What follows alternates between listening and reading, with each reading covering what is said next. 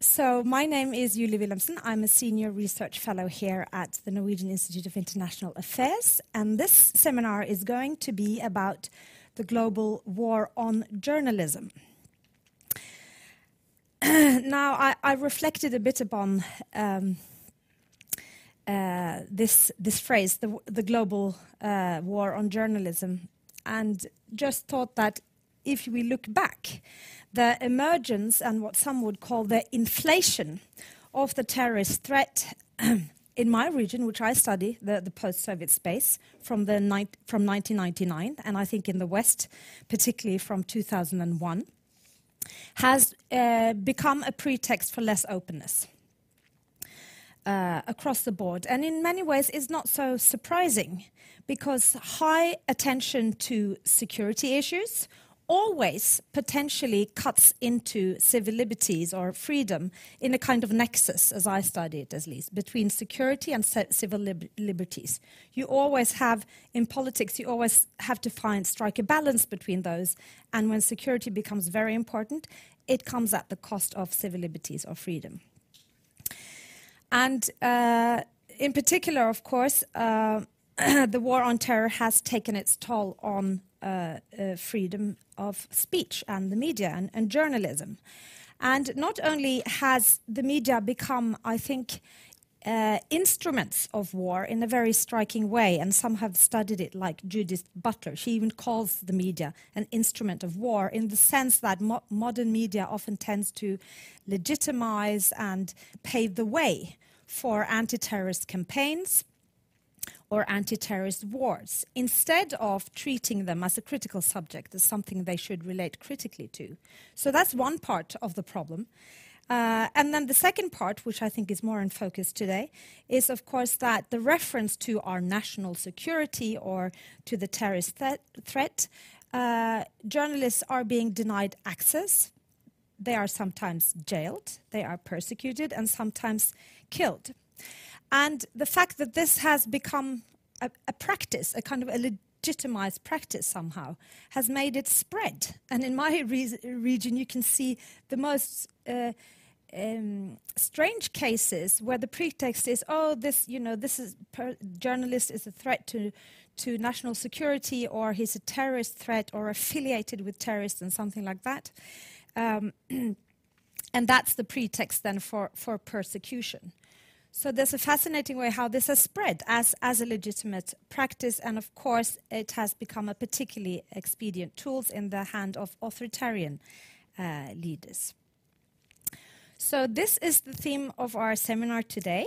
Uh, and now I'm very pleased to give the word to Mary Ellen Miller, who is the Australian ambassador to Denmark, Iceland, and Norway, uh, because you are going to uh, introduce our guest, who is Peter Greste. Thank you. Good morning, everybody, and good morning to those watching online and uh, wherever you are. Uh, as Julie said, I'm, I'm, the Australian ambassador to Norway, also Denmark and Iceland, and I'm actually based in Copenhagen. But I come to Oslo very frequently, to Norway very frequently, um, partly because I love Norway very much. It's gorgeous, but a lot to do with there's a, a, a, lot of interesting things happening here and a lot of work happening between the Australian and the Norwegian governments, which uh, is very, very good to, um, to promote.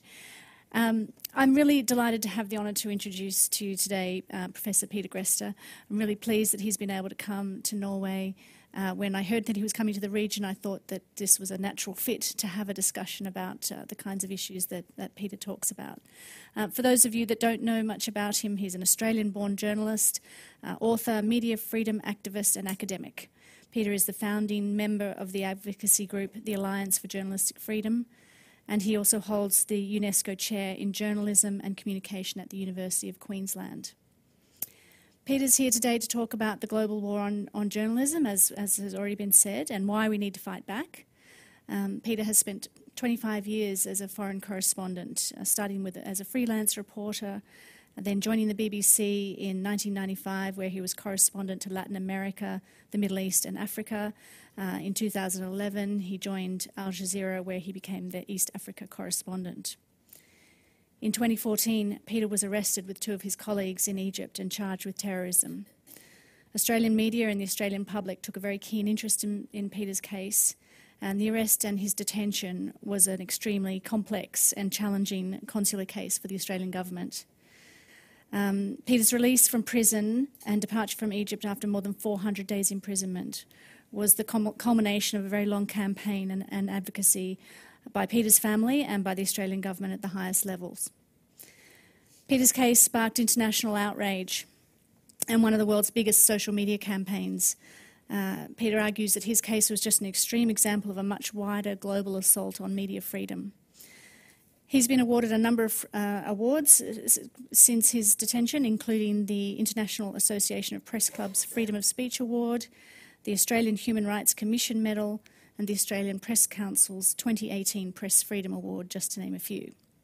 Peter has also co authored uh, with his, uh, an account with his family on, of their struggle to have his, uh, have his release secured, called Freeing Peter. And he's written his own book on journalism and the war on terror called The First Casualty, published in 2017. Uh, Peter remains a very avid advocate for media freedom and journalistic safety, so um, advocacy that's clearly still greatly needed today. So I'm very pleased to welcome you to, to uh, Norway on behalf of the Australian government and the Norwegians. Thank you. Thank you. Thank you very much, and it, uh, it's a great honour to be speaking. Thank you for, for those wonderful words of introduction. It's a fantastic honour to be speaking in the country that uh, the CPJ and Reporters Sans Frontières both describe as the world's best when it comes to press freedom. Um, clearly, the Norwegians take issues around press freedom of, spe- freedom of speech very seriously indeed, um, even to the point of inviting someone who is convicted of collaborating with ex- Islamic terrorism to lecture you on the subject of freedom of speech. Um, I, I, don't need to lecture uh, Norwegians about press freedom. Um, you can be justifiably proud of your record. Um, Australia isn't doing too badly. We sit at number 21 on the World Press Freedom Index, although slightly disconcerting that we're actually behind Uruguay and Suriname of all places. Uh, we're also a few places, a few places behind New Zealand, which is a little bit like, I suppose, Sweden beating Norway when, uh, in the in ice hockey. Um, but we must always remember that rankings are just that. it's, a, it's a relative scale. It doesn't show those raw numbers, those raw figures, those raw positions don't tell us anything about the wider trends. And the latest reports from the three big organisations that look at these things Reporters Sans Frontières, the Committee to Protect Journalists, and Freedom House all consistently tell us the same thing that press freedom has been on a steady downward trajectory since the beginning of the last decade, since the beginning of the, of the or since the middle of the 2000s, sorry. That's a particularly disturbing statistic. Reporters Sans Frontier's annual report is, is subtitled A Cycle of Fear. It's a phrase that is pretty self explanatory. It goes on to describe what it says is an unprecedented level of fear and danger for journalists. Now, According to Freedom House, only 24% of 180 countries stu- uh, that are studied in the report are classified as good or fairly good. That's down from the previous year. And even the United States, which describes itself as that bastion of freedom of speech and freedom of press, the home of the wonderful First Amendment, uh, has just slipped into the orange zone. It's number 40. Overall, 13% of the world lives in what Freedom House describes as having a free press. 13%. That's a tiny fraction of the world's population. 45% of the world is in those zones which are considered to be not free. Currently, we're seeing journalists murdered at a rate of about two per week. Now, that is a very, very conservative estimate. Reporters Sans Frontières and the CPJ both are very, very careful about who they describe as a journalist. They don't include people like bloggers or citizen journalists. They don't include those cases where journalists have, where the motive is unclear, where journalists have been murdered by accident, where we can't pin um, a, a particular motive to a particular murder. So the numbers are almost certainly far higher than those figures. If we have a look at the numbers of journalists in prison, they're also at around a record high. 250, around 250, 260. The number obviously keeps changing because sometimes people are arrested on a daily basis and released, but they are still currently around the record highs. Now, what's particularly interesting is that when you look at those numbers,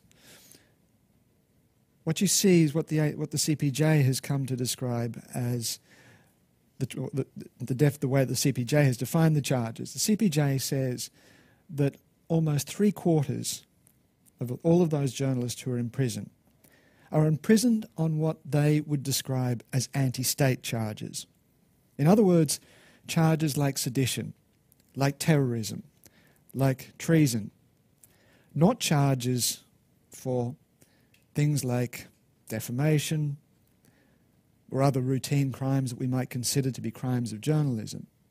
They're crimes against the state which tells you, I think, something fundamental about the way in which the states have come to regard journalism. As we heard in the introduction, journalism is so often being seen as a threat to the state, not as a supporter, not as a necessary counterpoint to the state, not as a part, a fundamental part of the way that a social system should work. They're seen as a threat to the state. Curiously enough, that's exactly what we were charged with in, in Egypt.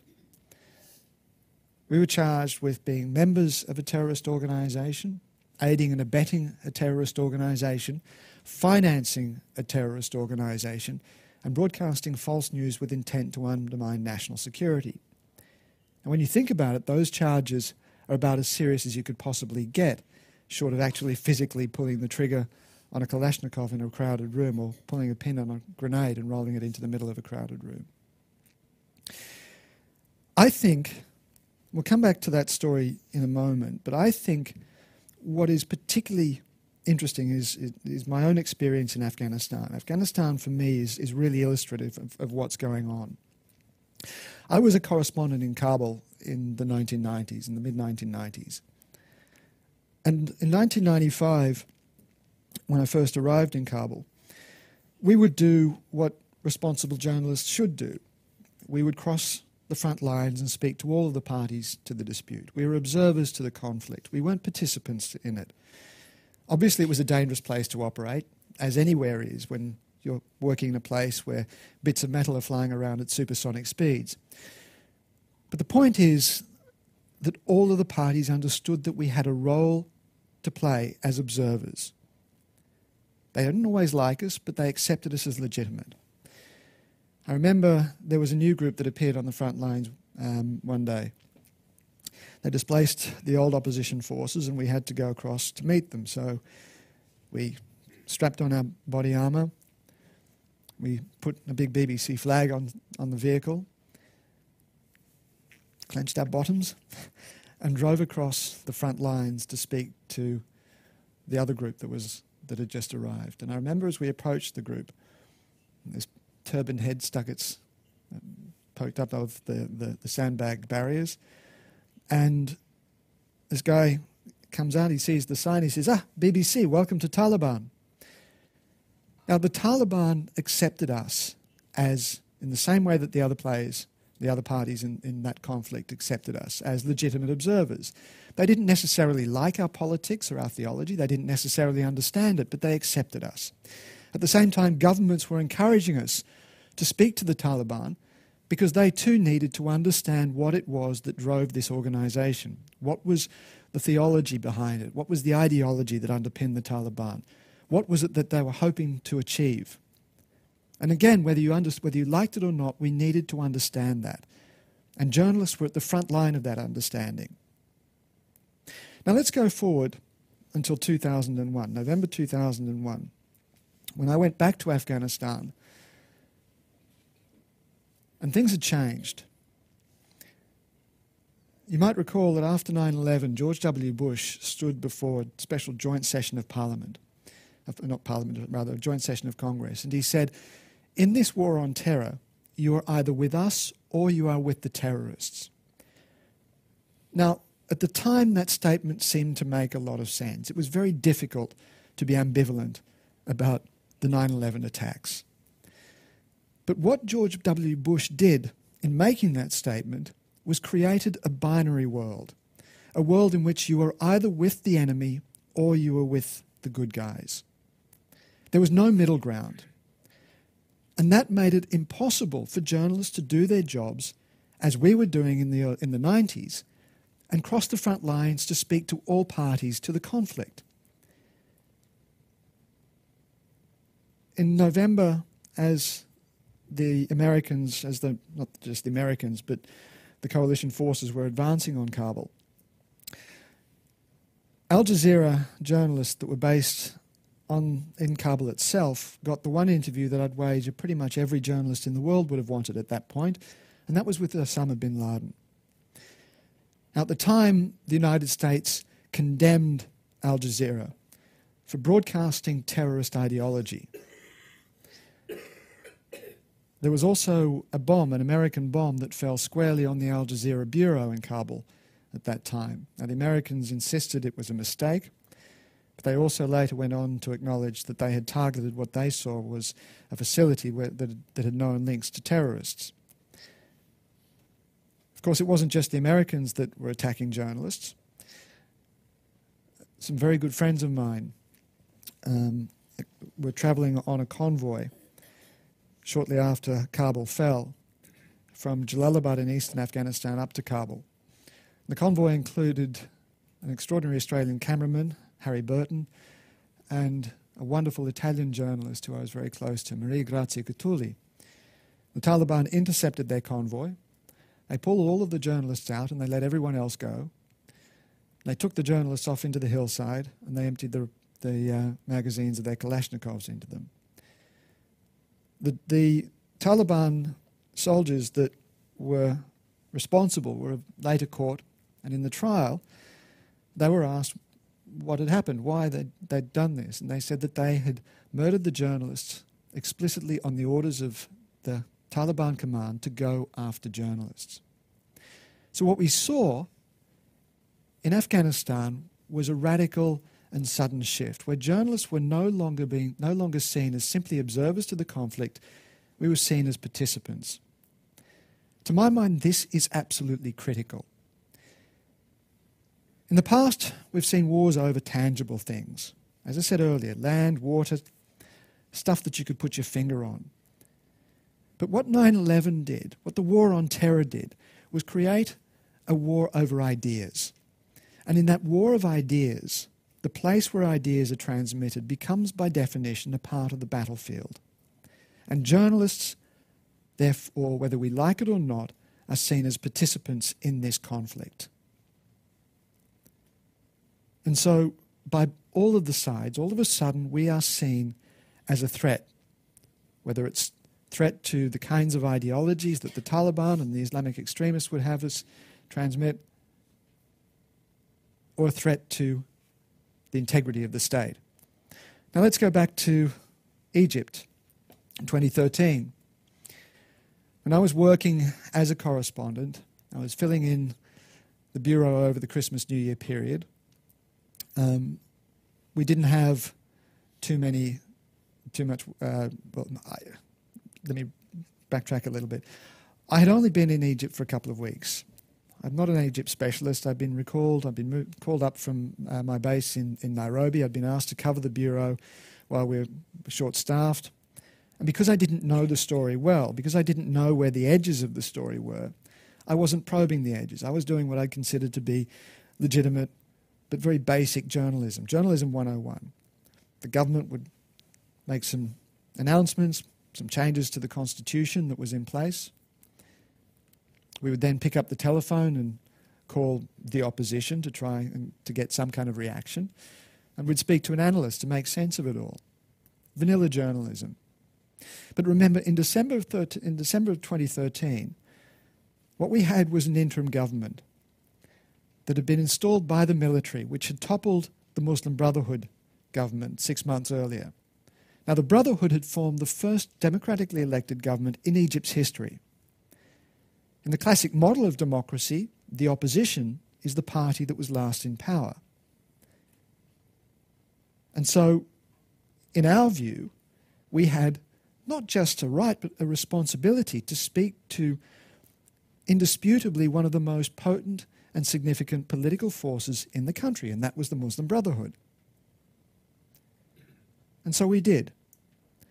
Now, I wasn't expecting any pushback because, as far as I was concerned, we had done nothing wrong. We weren't doing anything particularly controversial.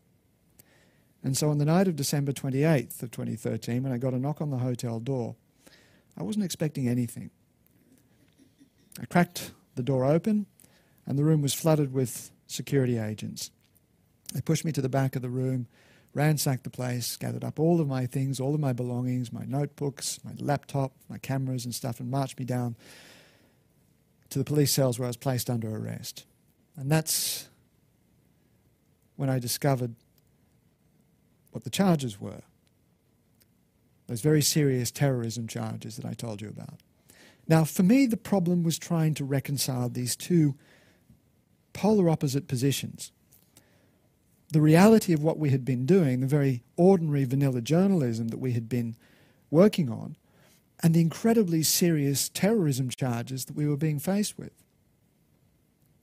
How could anybody have taken the evidence of what we had been doing and come to the conclusion that somehow we had been involved in acts of terrorism or had been collaborating with terrorists? Now, I really struggled with this for a long time. Um, I felt that we had two options. Either we should fight it on the evidence and say, look, there's no, it's quite clear we weren't involved with anything, we just need to let the judicial process take its course. Clearly, there's been a mistake. Somebody misread the arrest warrant, was looking for a Mr. Peter Greystone. They knocked on the wrong door, got the wrong bloke. Perhaps someone had mistranslated some of our work, and all we needed to do was to explain what the journalism was, what the scripts really were, and it'll all be fine. We'd be released. But then I spoke to a couple of neighbours of mine in prison, including a wonderful character called Alaa Abdel Fattah, who is one of the main revolutionaries who helped inspire the January 28th revolution, the one that originally toppled Hosni Mubarak. And Alaa said, You need to stop taking, thinking about this personally. You need to think about the politics behind it. And I realized then that, in fact, this, did, this didn't have anything to do with what we had actually done. This wasn't what about what, what we had done. This was about what we had come to represent. That the Egyptian government came after us because we represented press freedom. They were trying to send a very clear message to all journalists operating in Egypt at the time that you will not speak to the Muslim Brotherhood.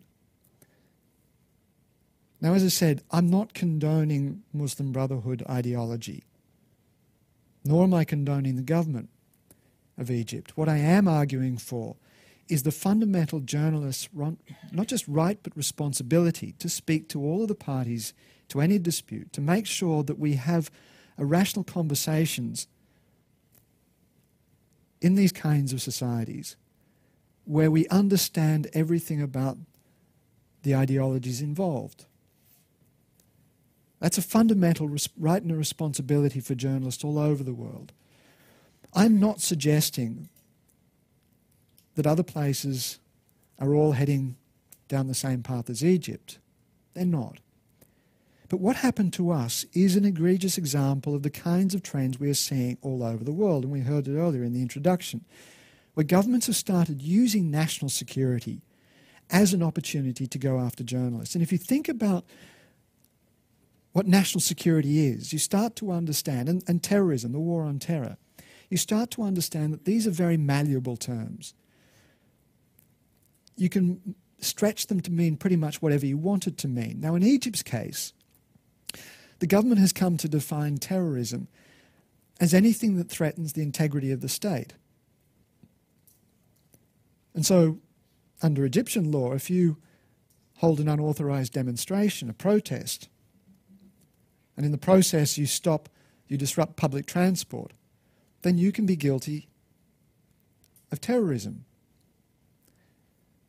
If you translate the state as being as embodied as, as the embodiment of the as, as being embodied in the, the president, anything that criticizes or attacks the president or undermines public confidence in the president all of a sudden becomes a threat to the integrity of the state and therefore an act of terror. Anything that threatens the political integrity of the party in power can be seen as an act of terror.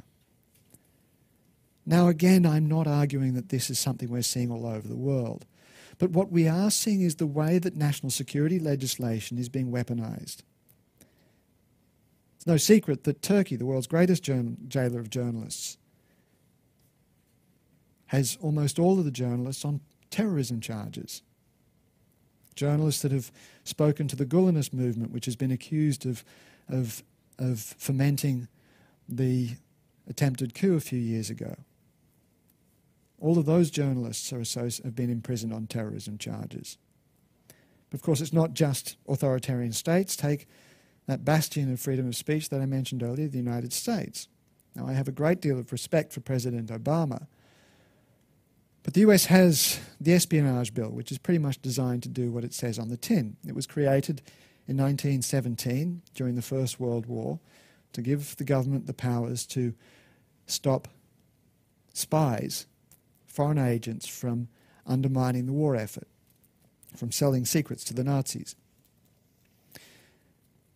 From 1917 until 2008, the Espionage Act was used a total of five or six times. It depends on a couple of cases, how you interpret those.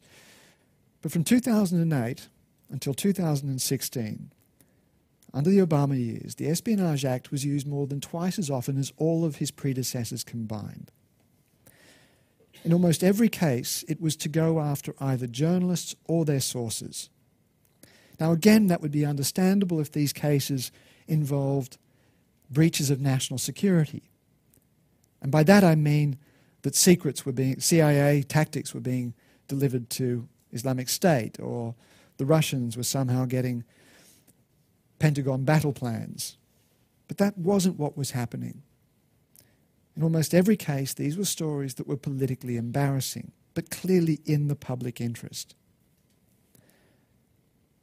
And this is, I think, the trend that is troubling me enormously. It's that trend that is driving the, the overall decline around the world in press freedom. It's the trend that is empowering governments around the world to lock up journalists with impunity. It's that trend which is encouraging extremists to deny what journalists say, to disrupt journalists from doing their jobs. As we saw in the United States, an extremist walked into a newspaper um, in 2016 and opened fire and murdered, murdered five of its, of its journalists simply because he objected to what the paper was publishing. A few years ago, there was an organization that started talking about the grey zone. By the grey zone, this organization meant the space that is critical for a democracy to function. It's that space that allows us to live in a pluralist society with different views, people of different races, different religious beliefs, different political philosophies. That space that allows us to have conversations and debates without winding, without um, ending up in, in civil conflict and open violence. It's that space that allows journalists to operate, to interrogate and question and, and publish views from across the political spectrum, however uncomfortable they might seem.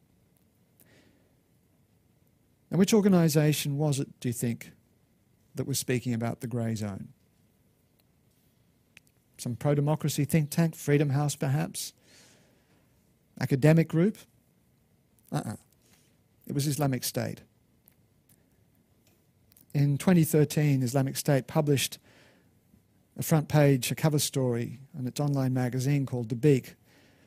And Islamic State um, called for the extinction of the grey zone. Because in the extremist ideology,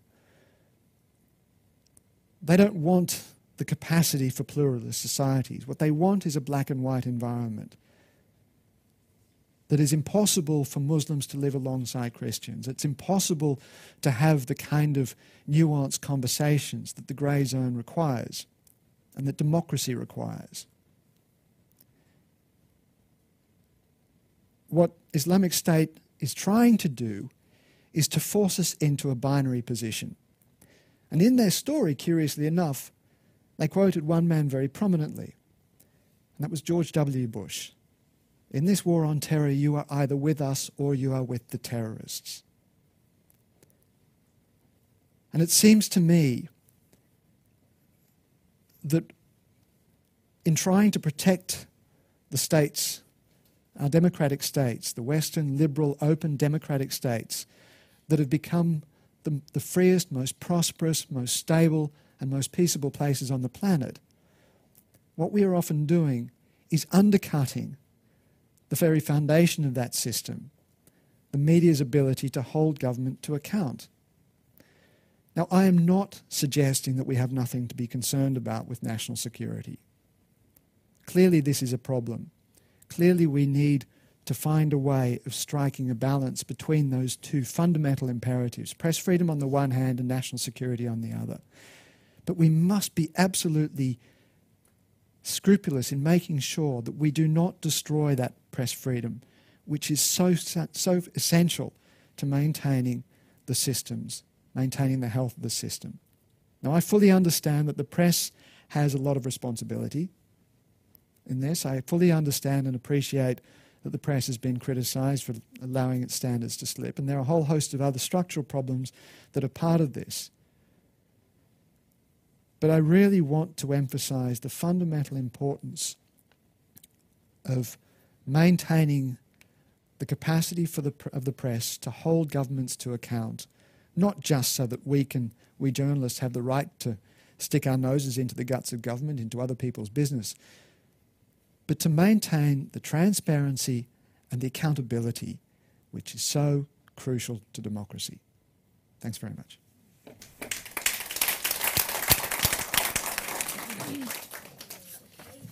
That was excellent. I certainly have uh, several questions, but I'm going to leave it to the audience first to, to ask their questions. So I suggest you just stay here.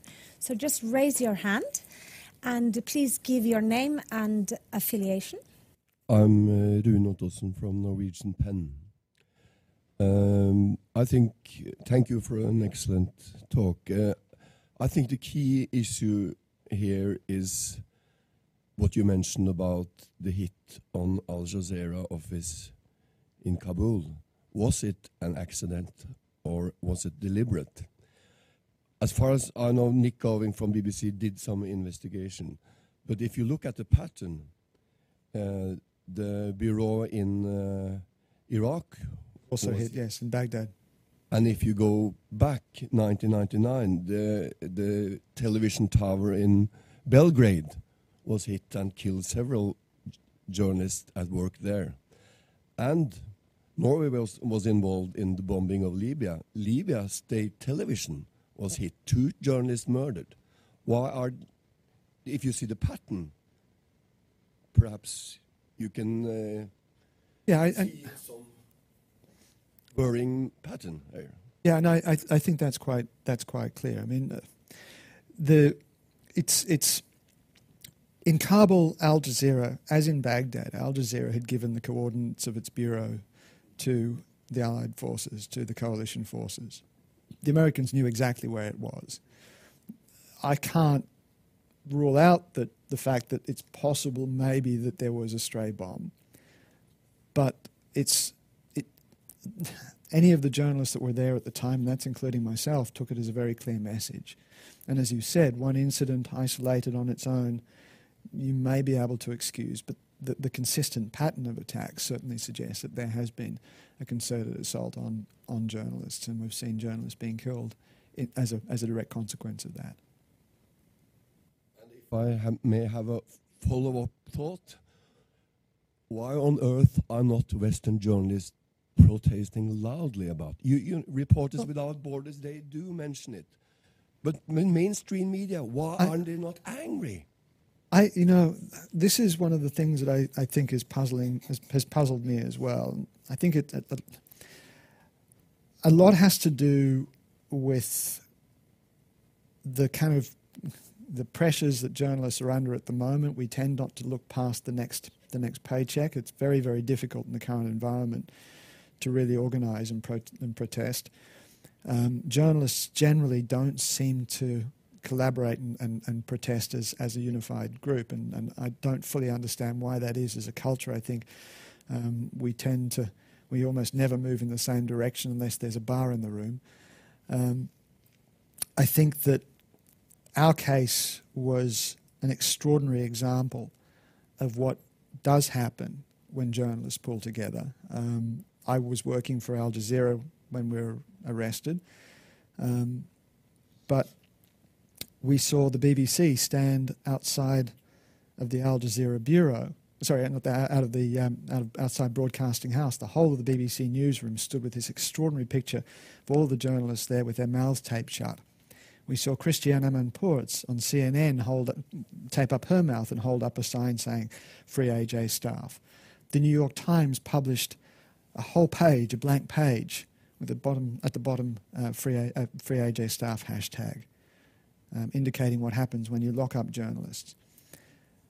And and I honestly believe that although we can't put our finger on any one example, any one thing that finally got the the Egyptians to release us, I'm absolutely convinced that that that, com- that uncommon unity of purpose that journalists displayed around the world when it came to our case in particular was absolutely crucial. I wouldn't be here today if, it, if we didn't have that kind of unified response. Why we don't see that more consistently, I, I, I really can't. I really don't say. I, I can't say. I don't know. It, it, perplexes me. It puzzles me. It frustrates me. Um, but I think that if we can take the few examples of when journalism has collaborated and has moved as a, as a whole, I think we can we might be able to find a way of, of being more effective with, with advocacy. Thank you very much. I'm uh, Sarah Lister. I'm director of UNDP's Oslo Governance Centre. Um, so uh, I wanted to come back to this idea of the grey zone, um, actually, because um, UNDP works on media development issues in some you know, across globally, we have 170 uh, countries in the world that we work in, not all on media issues. Um, and we work with governments on a range of governance and accountability and peace building type of issues.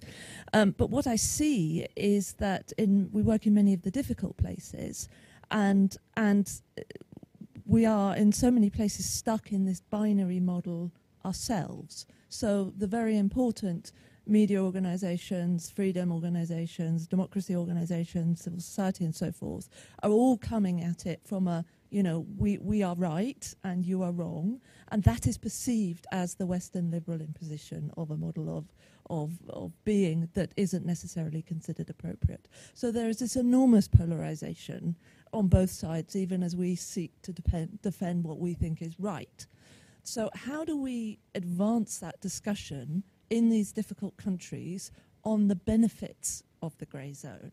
I uh, if I if I can just say because there are in you know mechanisms such as national action plans for violent extremism prevention and so forth that attempt to bring those together. But if you're actually working with the government on media regulation issues, how do you how do you push that discussion in a in a direction that is is progressive?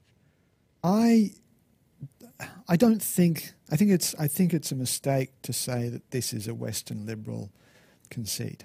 Um, I think that the evidence seems pretty clear that that healthy debate in whichever society creates better better outcomes.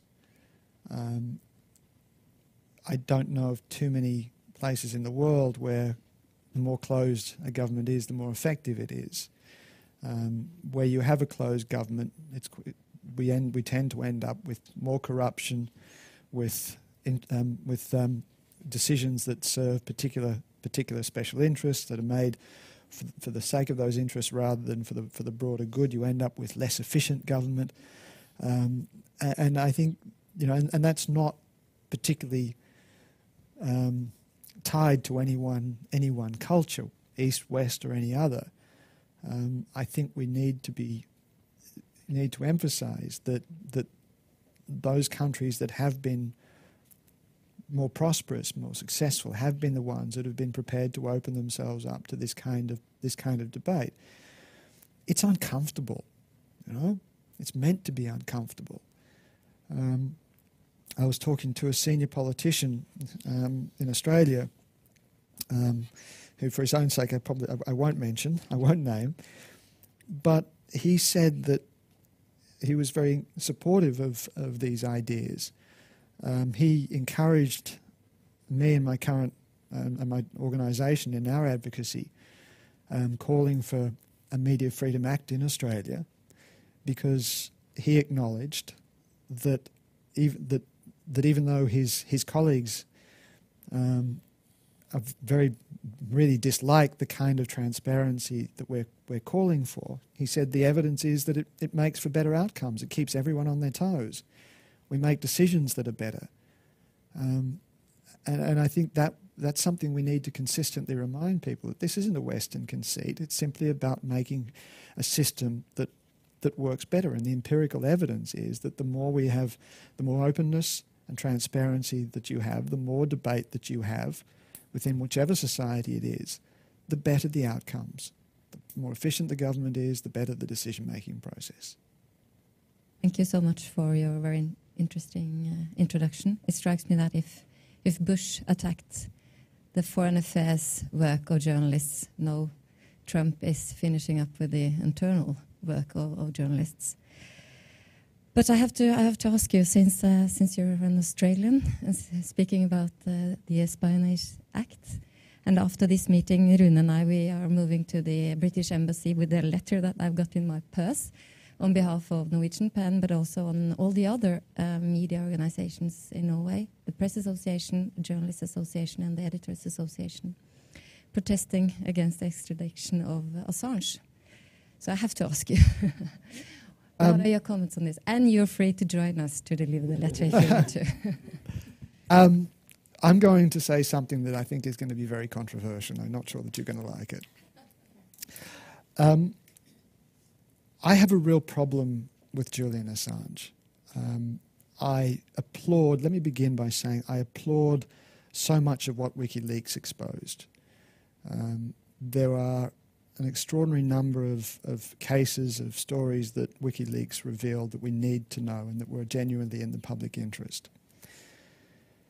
But I believe that journalism comes with responsibilities. Um, and I believe that if you're going to use defences around press freedom, then you need to exercise not just the, the rights as a journalist, but also those responsibilities. I've wrestled with this a lot. Um, I know Julian Assange's lawyer, Jen Robinson. She's a good friend of mine.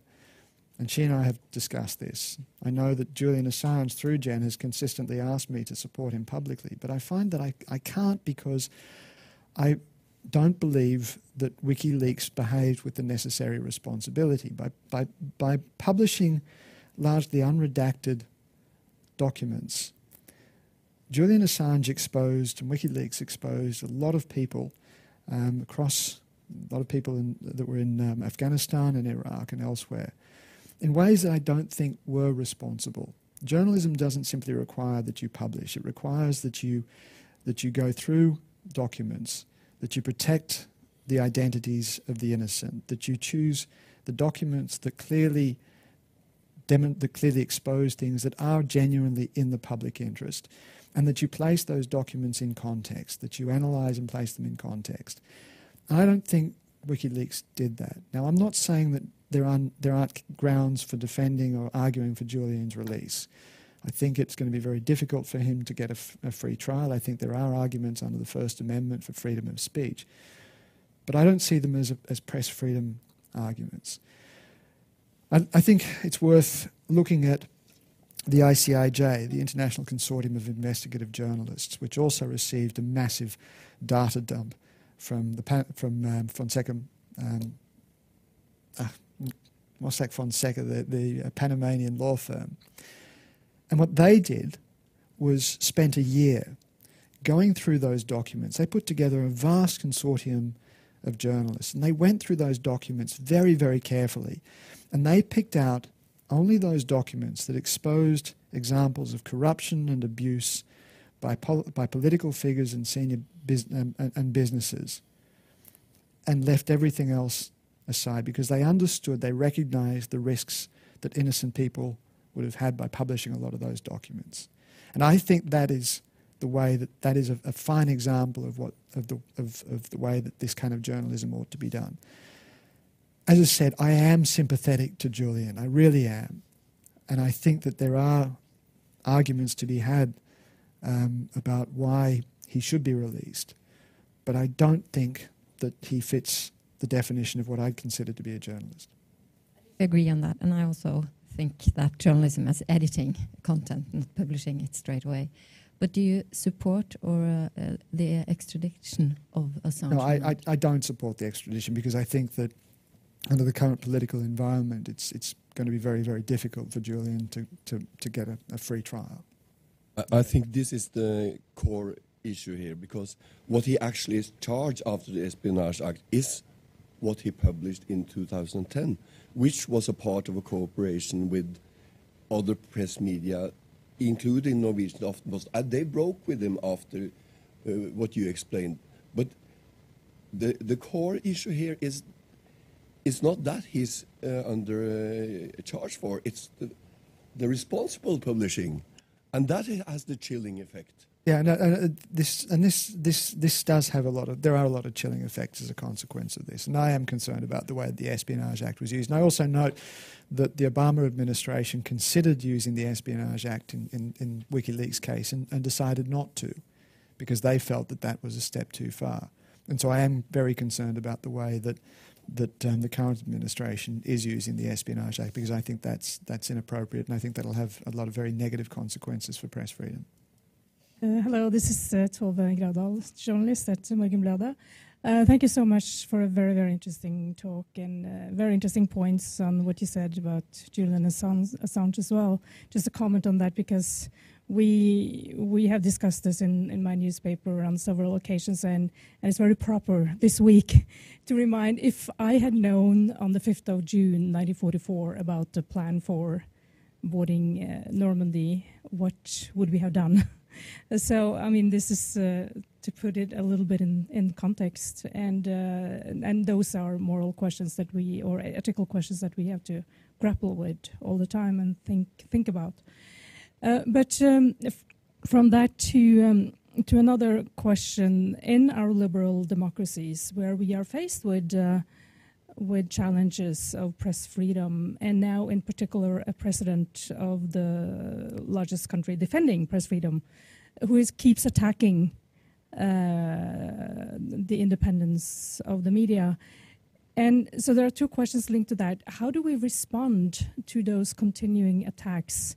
I know he, he's very deliberate in, in what he's doing because he, he knows that he's provo- provoking our reaction and he's provoking people's reactions. So and so uh, he doesn't necessarily necessarily care about what uh, what the media are saying.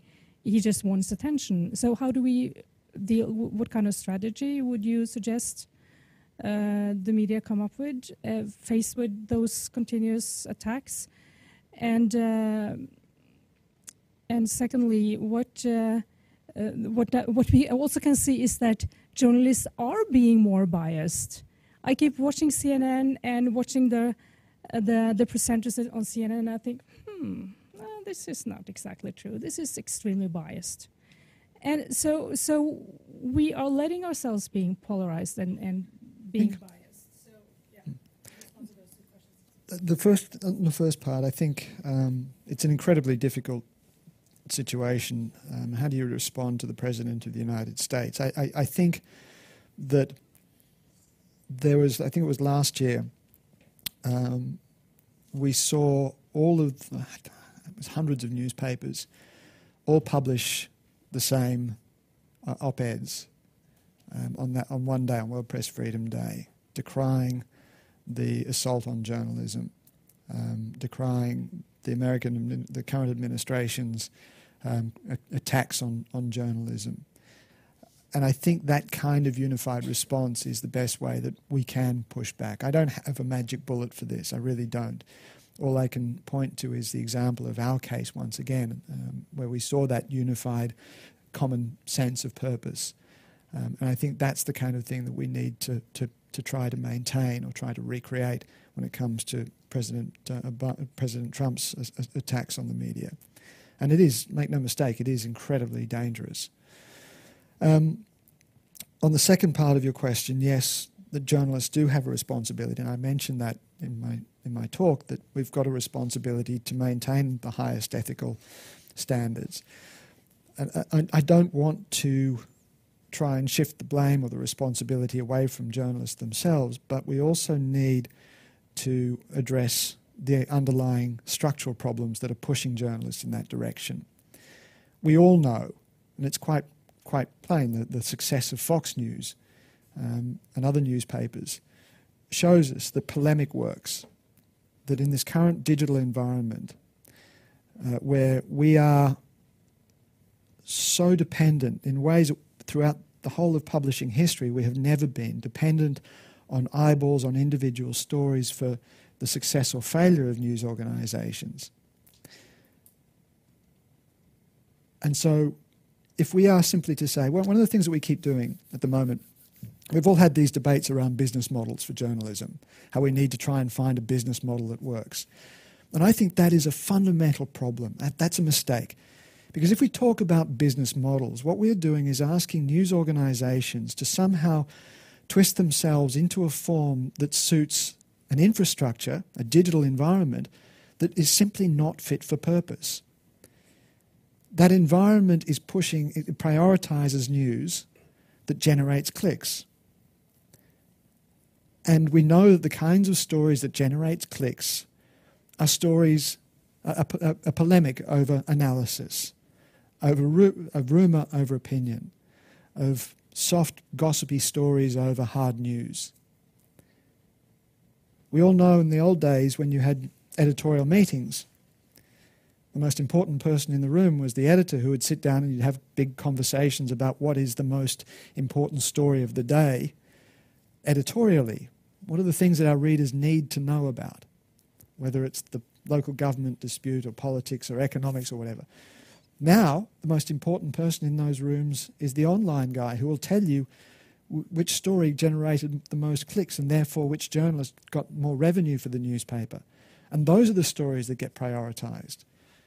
Now, it's very, very difficult if you're an editor who has lost a third of his revenue from um, advertising revenue and had to sack half of his staff to say, oh, no, we're not going to do that story about the Kardashians or the scandalous story about um, you know, the private life of some, of some politician because we'll, we'll stick to our higher principles even if it means ultimately I'm going to have to sack a couple more journalists. And so what we need to start doing is stop, stop talking about business models and start talking about the function, the, de- the, the social function that journalism plays, the public utility of journalism. If we start talking about that, we can then start talking about how we figure out how to finance, how to create an economic structure that insulates journalists from the kinds of those kinds of popular wins. Because that is not producing the kind of journalism that we need in a democracy, and we are simply not going to get it if we expect news organisations to survive and somehow create business models that work in the current environment. We need to change the environment itself. Um, I've got some ideas about that, and I'm doing some research to try and figure out how we can do that fundamentally. Um, that, that's a conversation for another time, I think. But what I'd urge people to do is to understand, and I urge journalists to do, is to understand and emphasize the way in which the digital environment distorts our craft and creates the kind of problem that you're talking about, the kind of inherent bias which generates niche markets, which work for those those advertisers, but don't deliver an outcome that's good for democracy. Um, there was something else I was going to mention on that. I'm sorry, it's just slipped out of my mind. But I think that's, I think that's that's that's really key. Oh, that's right. No, I was going to say I think in Norway, um, you guys and, and, and, Sweden have a fantastic model. The, the production subsidy um, is, I think, an, incredibly important and useful and and, and powerful way of, of supporting journalism. And I think this is something that others like those of us in Australia ought to be considering. Um, and I think that if there was a way of creating the kind of financial support, a financial buffer that that insulates, at least to a certain extent, journalism from the kind of um, the kind of, of, of, influences of the digital environment, then I think um, we'd all be a whole lot better off. Yes, well, uh, Lars Ivar, I'm a um, uh, I've been affiliated with University of Oslo for a great many years, and uh, my interest is uh, actually freedom of the press in many ways. And uh, I worked as a contractor in Afghanistan, and um, I wonder, do journalists reflect on the um, the, the situation on the ground where they work? Because you know Norway is a liberal democracy, but during the German occupation from 40 to 45, we didn't have a free press uh, whatever free press we had was the illegal press, and the rest was the occupying powers. And if you go into this problem you have been talking about, about the lack of a grey zone, where warring parties who don't want a grey zone. And when I worked in Afghanistan, you know, white psyops was a part of our mode of operations. We'd be distributed news bulletins to the general population because winning the hearts and minds was part of the game. And of course, when you go into that environment as a reporter, as a war reporter, and you, you your whatever you write might be taken as a as a stand in, in this conflict by any of the warring parties, that's a great risk. And um, I think it's hard to get away from it. I, I strongly believe in the freedom of the press, but the risk of being a war reporter. I think you can't take it away. And war is not only defined by the kinetics and, and if it's if you've shot it or, or it's explosions, but it's war in societies where where the political situation is is very uh, contentious. What is uh, you know like it was in Egypt, and then you are really in a state of war. And and I, I, I sympathize greatly with reporters who do the job, but I think you can't really get away with that risk because the powers that be they want to, to rule the field uh, and and uh, it has been mentioned here that what is interesting we see that journalists who the general public I think used to look to as sources for, for comment who were sort of objective you know not objective in the Paul Keating way, but objective anyway. Like you, you could rely on as, as a as an opinion that you could respect. They're also becoming warring parties, like in uh, the U.S., for instance, where you have partisan uh, journalism almost all over the all over the all over the board, and that I think that's disconcerting. Uh, that you can't pick up any. Uh, maybe the Financial Times or, or big, and you can have some kind of trust in what's, but they're really just players in, on the political field. Thank you. I, I'm I'm not suggesting for a second that this is easy. You know, I, I, I really don't, or, or, that it's you know there's there is a way around this which which won't get people killed. Um, I, you know, I've I've I've been on the sharp end of this several times. You know, not just imprisoned in Egypt, but I've had my producer shot and killed in Mogadishu while we were working together. Um, so I know, I know what the costs involved are, and I know that that governments and, and those with power, those with guns, not just dislike but despise what journalists do, and they see it directly as as a threat to who they are, and therefore they've got no, they, they have no hesitation in pulling the trigger. Um, and this is why I think that we really need to encourage not to throw up our hands in despair, but to actively argue and, and fight for this at every every opportunity. This is not going to be a slow, you know, radical shift of of, of culture. Um, we can't, I can't point to any one action that we can take and end up with an outcome. I don't have any magic bullet to this. What I am trying to do in constantly speaking like this is is to try and and, and shift shift the culture, and I actually think we are starting to see it. Um, people understand the issues around fake news. People understand the need for credible new and authoritative news sources, and we're seeing, you know, the main legacy news organisations like The Guardian and The New York Times are seeing their subscriptions rise to the point where they they say they're able to make a profit. Now, I don't think that we've got a model that actually um, allows journalism to flourish through that system. I don't think the, the, the kind of subscription models that those those newspapers that are succeeding is actually scalable to the point where we can create an entire world um, media system based on that. But my point is that people are moving back to those news services because they recognize the need to go to news sources that they can trust. So it seems to me that there is a general understanding of, of that the system is not working and that, they, that, that Facebook and Twitter aren't necessarily the best places for your sources of information. You need to go to, to legacy news organizations or to organizations that have a strong track record.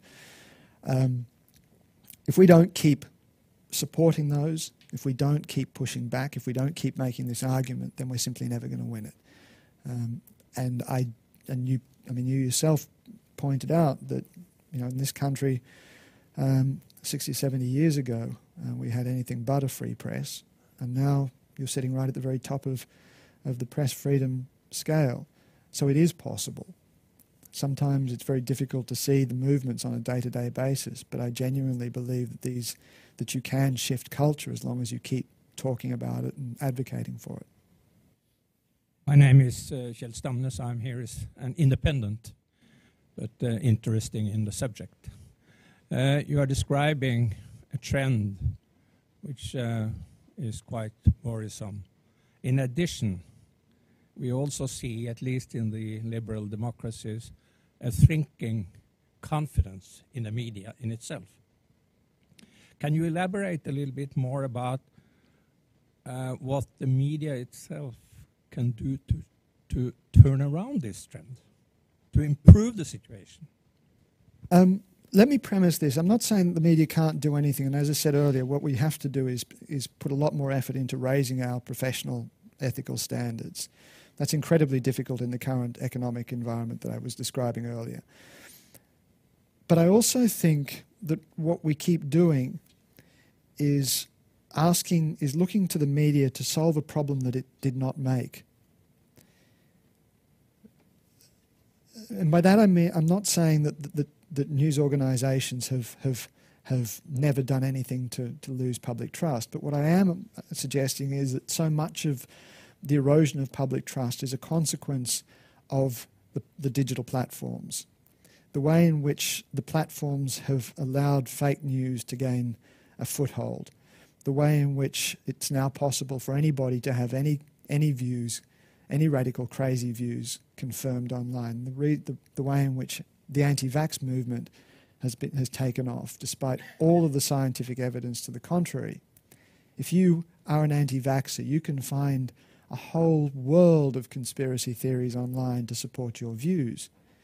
And as a consequence, we're seeing a lot of people dying of measles and, and, and other um, um, immune, immunizable diseases. And I think that's, that's, the pro- that's, that's a really important part of the problem. That, yes, journalism and news organizations have allowed their professional standards to slip, particularly in their struggle to, to try and stay afloat in the current environment. But we're now operating in a system which has completely which has allowed people to believe whatever they want to believe, that has allowed the, the flow of, of, of misinformation um, through the environment, which has generally eroded trust in, in everything. Um, all of the trust indices around the world are showing that trust is at an all time low in whatever institution you're talking about, not just the media. Um, and of course, you know, can't talk about this without referring once again to, to Donald Trump um, and his constant assaults on fake news, on the fake, you know, the failing New York Times um, and the Clinton News Network in the way that he does. Um, I think the way in which politicians have constantly attacked the integrity of the media has given their supporters and their opponents all of the excuses they need to dismiss any uncomfortable stories that might, they might happen to see published. And so it's not just the responsibility of news organisations. It is a structural problem, and no one has, I think, designed it in this way. It's just that this has evolved in a way which is deeply destructive to our democracies. And there are other political leaders that are exploiting that, those structural weaknesses and exploiting the skepticism which the public now has to further undermine it for political gain, and I think that's also deeply problematic. So journalists are part of the have have responsibility. They're part of the problem, but they're by no means the only part of the problem, and we're never going to be able to solve it if it's if we just focus on, on journalism themselves itself. okay, so I want to go uh, back in your talk uh, and your kind of thesis on this shift to the war on ideas. and first, just a remark. Um, it reminded me of uh, one of the first things which Putin said, even when he was a prime minister, and he kind of was gearing up for the Second Chechen War, which was called an anti-terrorist campaign. He said, to, speaking about the media, that the enemy cannot be given a face. And it was a very conscious, and this is actually where the kind of unraveling of whatever there was of uh, free media in Russia started. It was a conscious policy which he followed consequently. The, the enemy must not be given a, a face.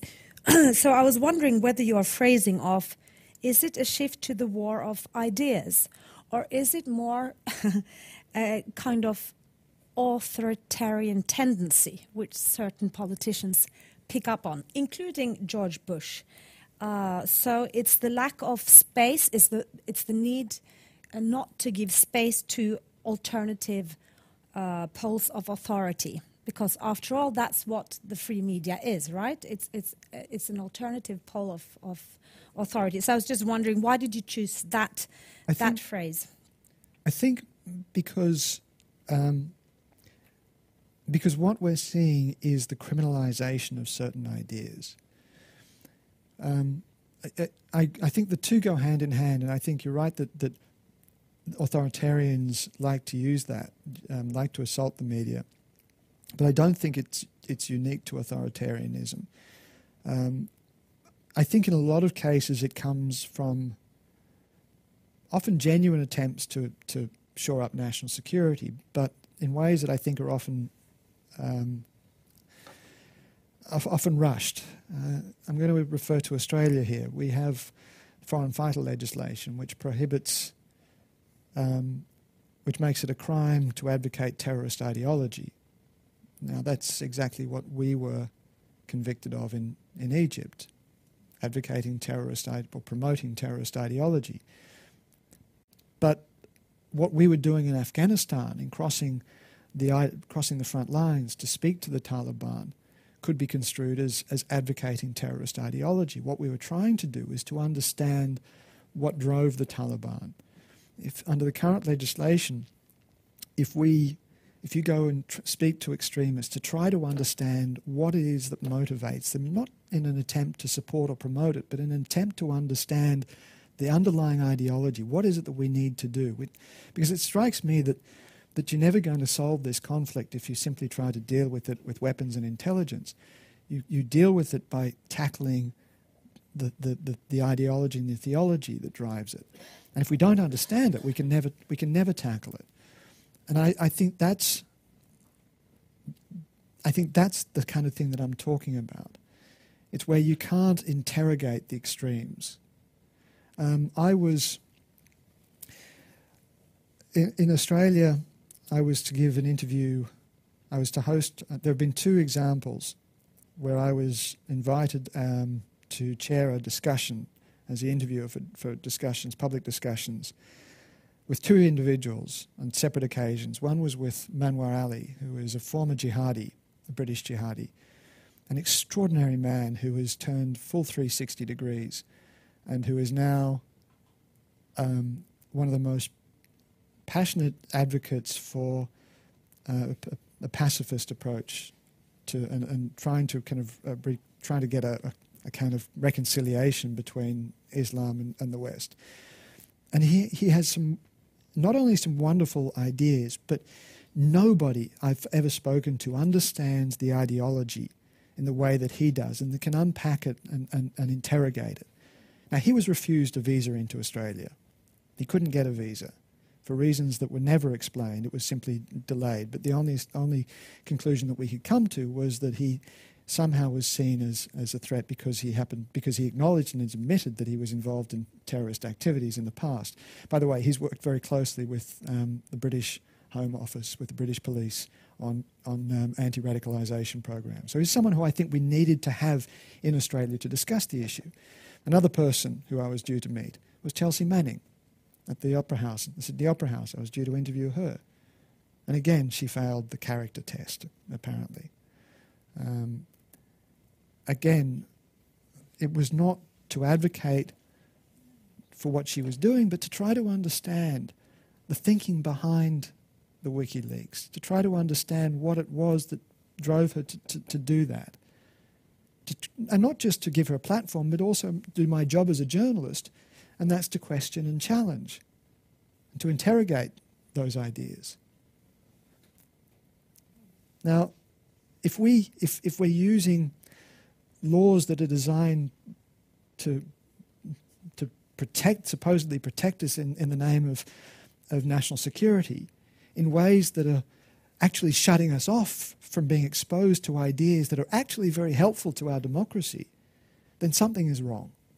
And that's what I mean by the way in which, the, the way in which I think this war of ideas is, is corrupting our democracy. Because I was uh, just reflecting, and I think it's um, maybe important to take the chance to shed a bit of light on the Norwegian media sphere, which is very good, but it's not perfect. Uh, and one question um, which I was interested in was uh, the espionage, espionage cases under Obama, right? Uh, so I agree. There's this uh, concrete, direct problem with using national security. But in my field, I do security politics, basically. I think there is a very indirect uh, problem in the media in, and in the public debate where uh, those who do security, so the armed forces or the security services, uh, once there is a discussion about security issues, they are called upon as the authoritative figures who know something about this question. And they're given a platform in many Norwegian media totally uncritically. Uh, and that's, of course, because they are experts in their field.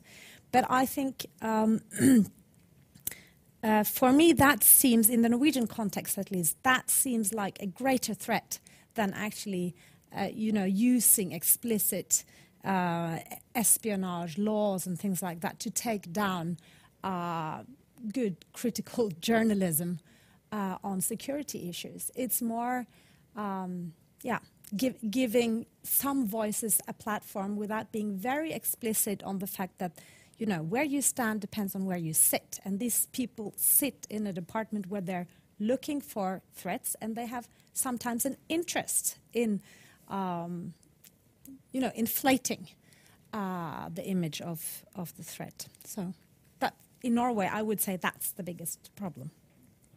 Yeah. I, I mean, I, there's not much to say to that. You know, I, I, mean, I, I think I agree. I think that there is a, there is a, a problem. Um, I'm not suggesting, and please, I, I, don't want anybody to come away from this thinking that I'm, I believe that the media is perfect and, and, and, you know, if we just allow media complete and unfettered access to everything, everything would be fine. It, it, it's not. This is not what I'm arguing. It's a deeply flawed human construct. Business news is not a science. Journalism is not a science. It's a, it's a human construct. And as in every form of, of human construct. It, it's flawed, it's, it's often sloppy, it's subject to our own human frailties. But if we go back to what the empirical evidence shows us, if you have, if you encourage and support a free press, then you have a better dem- democratic system.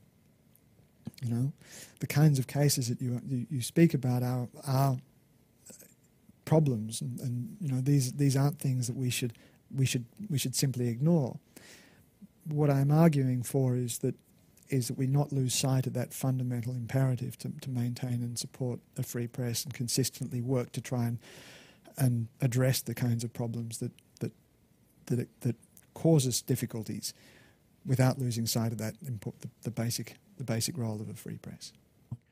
I think for many people who work, for instance, in the security services or, or in the army, uh, it's hard, you know, to see it only as a freedom of press case because uh, if a person who has should have or had a lo- loyalty to to his, his, or her work in the army or, or in the security services, uh, you know, uh, betrays that loyalty. That is sort of the for, many people the the no no. That's that's the red line. That's a red line, and we if you know just the routines around how this works in this country, which is quite liberal, if if somebody in the army works up on the border, uh, uh, an officer up on the border with the Soviet Union in the northern Norway, if he should suddenly decide to get a Russian spouse, you know, there's nothing wrong with it. Not nothing, it, nothing damning on his character. It's just automatically seen as a security risk, and he would be removed to some other kind of work. You know, so so it's it's these these risk reflections that are inherent in the work, in the in the dynamics of it. I'm not, say, I'm not saying that it's uh, perfect, but it's a, a, a, precaution. It's precautions, and I think anybody who worked with someone had, that did what Chelsea Manning did in any kind of armed forces would shy away from her and would not not be happy no, with that. Again, I'm not. I, I, but please understand, I wasn't giving. I wasn't saying that um, that we should we should be encouraging everybody to everyone who works in the security services to work the way that Chelsea Manning did. Um, what I'm arguing for is that we didn't allow her an opportunity to come to Australia where we could where we could interrogate what she had done. Um, and Chelsea Manning has a very radical view over over transparent of, of things like transparency, and I wanted to push her on that. Um, the fact is that her her views or her what she did has been, I think, has been you in a lot of ways misunderstood or mischaracterized. And what we what we needed to do was to allow her an opportunity to explain her, her thoughts, ex- explain her position, but also subject her to cross examination of the kind of things that you're talking about. And that's the what that's what good journalism should be doing, right?